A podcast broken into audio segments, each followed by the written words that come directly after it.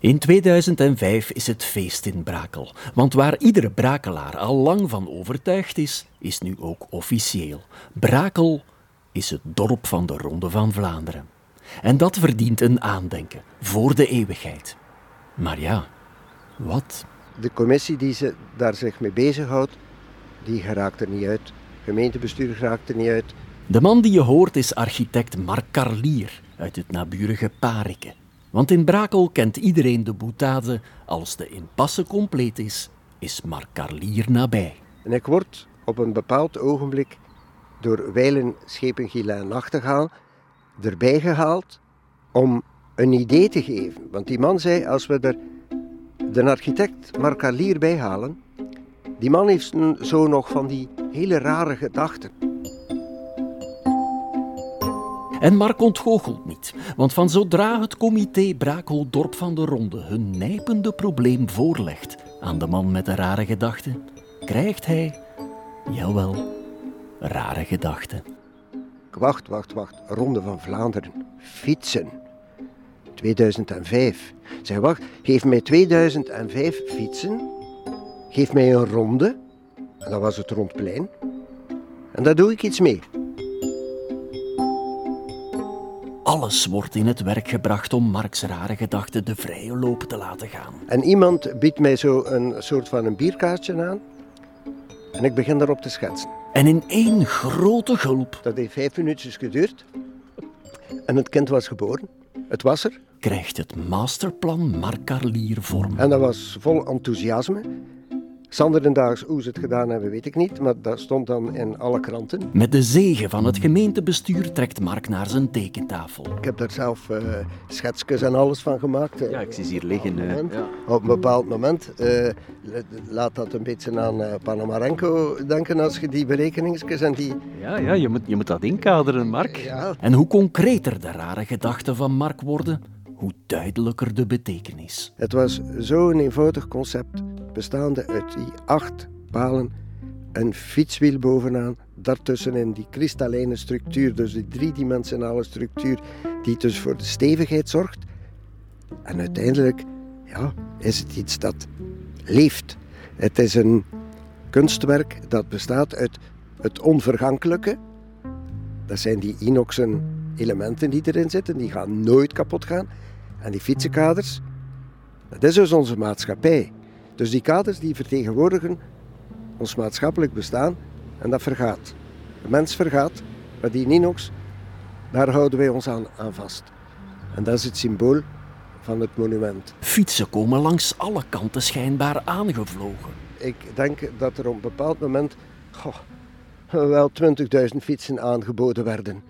Ja, dat, je kunt het niet geloven van waar die fietsen aangeboden worden. Dat komt zowel van de gemeente van gestolen fietsen, dat komt van de spoorwegen, dat komt van eh, verloren voorwerpen, dat komt van, van, maar ook van overal. En studenten van technische scholen in het Brakelse weten maandenlang wat gedaan. In de Rijksschool van Brakel is dat uitgevoerd. Ik heb daar plannen van gemaakt. Ze hebben daar in het atelier op school hebben ze daar een eh, module van gemaakt. En dat is een enorme verrijking en een leerproject geweest voor die laatste jaars. Dat, is, eh, dat is fantastisch meegevallen. En het resultaat, dat, dat dateert nu van 2005. Het resultaat is nog altijd fenomenaal. Bij de inhuldiging wil iedereen mee op de foto. burgemeester Herman de Croo. En dan hier ook op de voorgrond, hè, dus Marijn de Valk. En dan nog een aantal andere mensen, zelfs de burgemeester van Oudenaarde is aanwezig. Enfin, dus de notabelen van de omgeving waren aanwezig. En zo komt het dat op 3 april 2005 het peloton en de volgers in volle finale iets te zien krijgen dat hen met verstomming slaat. Even toch. Nou, dit gaat snel gaan, hè. binnenrijden van Brakel. We gaan nauwelijks een beeld krijgen van die rotonde waar dat eh, werk, dat kunstwerk met een paar honderd fietsen ineengeknutseld is. Ik hoop, ik hoop dat dat vochtbestendig is. Het is wel mooi. Is, eh, heel speciaal. En de mannen van Brakel hebben gezegd dat dat een, eh, ja, een permanent karakter gaat krijgen. Daar ben ik ook benieuwd voor. Renaat, De enige negatieve commentaren, dat was roest. Roest. Ja, roest. We zijn bij een heel gevoelig punt in deze historie aanbeland. Er is een gedeelte van, van het publiek dat zegt dat trekt op niks. Maar vanaf het ogenblik dat die uitspraak gedaan wordt en dat er kritiek komt, en negatieve kritiek, dan komt dat bij mij altijd positief over. Als iemand zich uit, of dat het nu positief of negatief is, positief uiten ze zich niet zo gemakkelijk, maar negatief uiten ze zich altijd, zeg maar, exponentieel. Dat kwam tot mij toe, mij raakt dat niet. Roest. Dat was dus de kritiek. Ja. Dit is een roestbak. Dat heeft ook in de krant gestaan. Hè? Oei. De roestbak van Brakel. Oh, je hebt het zelfs bewaard. Ik heb dat bewaard. Ja, Ah, dus raakt je toch een klein beetje. Ah, maar nee, nee, hier. Eh, ja, iedereen noemt dat roest. Ik noem dat een, eh, een, een natuurlijke oxidatie. En mij stoort het niet dat het roest is. Moest het van mij nu alleen afgehangen hebben, dan zou ik dat laten verder roesten. Roest. Ja, roest. Vijftien jaar later, in 2020, beginnen ze in Brakel aan belangrijke rioleringswerken onder het Ronde Plein. En daarom moest het weg. Maar Mark Carlier heeft gelukkig nog altijd van die rare gedachten. Er is mij ook niet gevraagd om het definitief te laten verdwijnen. En dan heb ik gezegd, goed, oké, dan gaan we een keer kijken of dat we dat kunnen verplaatsen. Hulp van de gemeente moet hij niet echt rekenen. Een, een, een, een constructie van- dergelijke grootte, meer dan zes meter breed, zes meter hoog, en, en, en, en roest. Maar dat kan toch niet? Nee, dat moet naar de schroothoop. Zij waren zinnig om daar de slijpschijf in te zetten. En eh, dat is niet gebeurd. Dat is niet gebeurd. In Brakel vallen ze van de ene verbazing in de andere. Zoiets moet een initiatief nemen. En zeker als je dus met dat idee naar voren komt en dat bijvoorbeeld aan het gemeentebestuur voorlegt, dan zie je iedereen wegkijken. En sommigen doen zo een beweging met de hand aan het hoofd van en nee schuddend. Nee, dat kan niet. Dat kan niet. Maar voor het dorpscomité Parike doet het is niets onmogelijk. Hotel Molenwiek op Parikeberg heeft een grote weide. En op de eenvoudige vraag van, wat denken jullie, eigenaars van de Molenwiek? Ehm, zouden wij dat fietsenmonument mogen op uw weide komen plaatsen? Ja, daar hebben ze niet moeten over nadenken, dat was enthousiasme. Ja, doe maar, doe maar. Dat is natuurlijk iets gemakkelijker gezegd dan gedaan. Je moet ook rekening houden dat zo'n transport, dat dat uitzonderlijk uitzonderlijk is. Hè? Dat is tweemaal. De breedte daarvan, normaal gezien gaat tot 6 meter, maar dat is met de buitenkanten erbij, die fietsen die erover hangen, dat is nog een stuk meer. Plus dat de weg van het rondplein naar Parikeberg, dat er daar nog wel wat obstakels zijn. En met obstakels bedoel ik verkeersborden, eh, lichtpalen, eh, eh, heuvel, ja, verkeersdrempels, heuveltjes. Die zijn dus allemaal moeten weggenomen worden. Hè? En dat kan niet overdag. S'nachts dus. We kregen een tijdslot om het uit te voeren tussen middernacht en vijf uur s morgens. Na tientallen vergaderingen, scenario's overlopen en het in kaart brengen van alle obstakels op de vier kilometer tussen het rondplein in Brakel en Parikeberg, Er is een heel draaiboek van gemaakt. Wanneer en hoe. En daar zijn twee ploegen. Er is dus een ploeg die voorrijdt en die alles wegneemt. En als dus het, eh, het, gevaarte, dus eh, het fietsenmonument, eh, voorbij is, dan worden die terug in elkaar gewezen, teruggeplaatst. En eh, ja, ja, ja, ja, ja, is op een koude februarinacht alles in gereedheid om het enorme gevaarte weg te krijgen van zijn vertrouwde plaats. Dat was de spanning. Dat was een enorme kraan die er stond. Een kraan die ik weet niet hoeveel ton kan trekken. En ik had dat uitgerekend, dat dat fietsenmonument zo alles bij elkaar tussen de 4,5 en 5 ton weegt. Hm? Dan moest dat dus opgenomen worden met een kraan. die zo met een arm uitgestoken 18 meter ver was. Dan moesten we zo doen omdat het op de Parikenberg ook 18 meter ver moest zijn. Dat was allemaal berekend, zodanig dat we wisten als je het hier kunt opnemen, dan kun je het hinder op die andere plaats terug neerplaatsen. Hm? Dan begint die man te heffen. Die zegt tegen mij, ik ben aan 6 ton. En daar bewoog nog niets, hè? maar niets. Hè? Nu, ik had... Ondertussen tikt de tijd. Uh, ja, ja, ja. maar dat is echt waar. Hè. Dan op een bepaald moment gaat hij naar 7 ton, gaat hij naar 8 ton. Op dat ogenblik heb ik initiatief genomen en te zeggen, iedereen ervan rond. Iedereen moet ervan rond. Ja, gelukkig komt het op een bepaald moment komt het los. Enfin, er wel moeten een klein tikje aangeven, maar het is dus losgekomen. En inderdaad, dus uh, achteraf zei die man dat hij tot, goh, ik dacht, bijna tot 9 ton getrokken had. Als het monument uit de grond is en vrij in de lucht bungelt, moet het moeilijkste nog komen. En dan moest dat nog op die vrachtwagen geplaatst worden.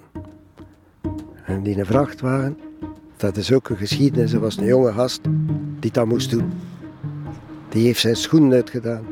En die is met zijn kousenvoeten is die, uh, de berg opgereden.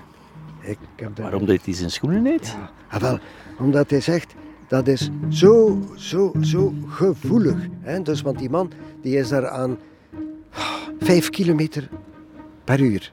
Is die Ah, hij wou niet te veel gas geven. Ja, jong. Vier uur later is het ronde plein in Brakel leeg en verlaten. Zijn alle verkeersborden teruggeplaatst voor de nietsvermoedende brakelaar die enkele uren later op pad moet. En heeft Parike er een onvergetelijk monument bij. En we zitten er nu zelfs onder.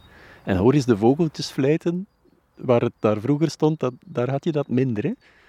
Ja, ik ga een correctie doen. We zitten niet onder, we zitten erin. Ja. Middenin. Dat geeft dus inderdaad een fantastisch gevoel. Als je weet dat we hier in een metalen ruimte zitten van 6 meter diameter en 6 meter hoog. Als je zo een keer rondkijkt, allemaal metalen frames. Dat is dus echt een kooi van Faraday. Hè? Dus naast, naast het fietsenmonument is het ook een kooi van Faraday. Ah, dus als het bliksemt, ja, kan je hier komen schuilen? Zitten wij hier heel veilig. Je kan niet anders dan verstillen. In het bucolische landschap van Parike. In die cirkel van roestende, sorry Mark, fietsen. Met een prachtig wiel boven je hoofd. In Brakel werd de vraag gesteld aan die roestbak. En gaat dat er nog lang staan? En nu nu krijgen we de reactie, de positieve reactie, geen negatieve. Ik heb nog geen enkele negatieve gehoord, maar nu zegt iedereen, hé, maar dat staat er mooi, maar dat staat er nu op zijn plaats. Ja. En ik antwoord daarop, ja, dat is ook het bewijs dat het nu thuis gekomen is. Maar om dat idee van dat roest daar toch een beetje uit te krijgen. Hè, niet, het blijft toch hangen, hè? merk, ik, merk het. Ja. wel. Het doet je niks, zegt je, maar het doet je eigenlijk wel iets. Hè? Maar je wordt ermee geconfronteerd. Ja. En dan heb ik gezegd, ja, wacht een keer, met ons comité, Parike doet het, uh, hoe kunnen we dat opfrissen? Ah, kleur opzetten, hè. Uh, maar uiteindelijk is het idee gekomen van de regenboogtrui. Moesten we nu een keer dat fietsenmonument een regenboogtrui aantrekken. De aanzet is nu gebeurd, dus het groen op het gelijkvloers is gebeurd. Uh, ah ja, ja, ja, het is geschilderd. Ja. Ja, groen, is, groen is uitgevoerd. Geel is bezig. Uh, dan komt er nog een band zwart. Daarboven komt dan rood. Ja. En uh, het bovenste wordt helemaal in het blauw gezet. Dus aansluitend, ja, ik vind dat wel fantastisch voor zo'n monument. Omdat als je naar de grond kijkt, sluit ons groen aan met het gras. Ja. En sluit ons blauw aan met de blauwe hemel. Terwijl ik met Mark aan het praten ben, sleept een lid van Parike Doet Het materiaal aan. Er, er, is werkvolk over de vloer. Ja, wij hebben, uh, wij hebben een aantal mensen uh, uitgenodigd van ons comité. Uh, we zijn bezig met slijpen. Slijpen? Ja. Oeh. Ja, er zijn dus te veel fietsen aan het monument. En ik noem dat op het gelijkvloers, staan ze zo anderhalve meter dik. Dat was ooit wel zo, maar het is nooit de bedoeling geweest om dat te gebruiken van binnenin. En nu heb ik gevraagd om daar een aantal uh, fietsenkaders die te veel zijn, om dat die eraf te doen. Het is, uh, om meer plaats te hebben binnenin. Om meer plaats te hebben binnenin. En het geeft uh, zo de indruk van, zijn die fietsen daar nu bij gegroeid of niet? Want ik had zo de indruk dat dat, dat, dat vroeger niet zo was. maar nu zijn er te veel. En kijk, nu, uh, nu zijn we aan het, aan het slijpen. We gaan er een aantal van tussen halen. Ja. En dan kan je hier komen zitten, kunnen wandelaars hier even komen iets drinken.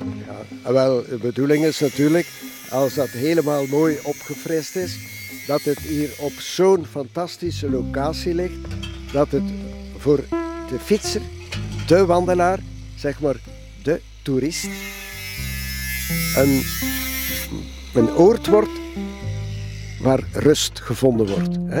Ik, ik was bijna aan het woord bedevaartsoord, maar we zien het dus inderdaad in de toekomst als een soort bedevaartsoord voor de toerist, voor de wielerfanaat, het moet niet altijd een basiliek of een kathedraal zijn.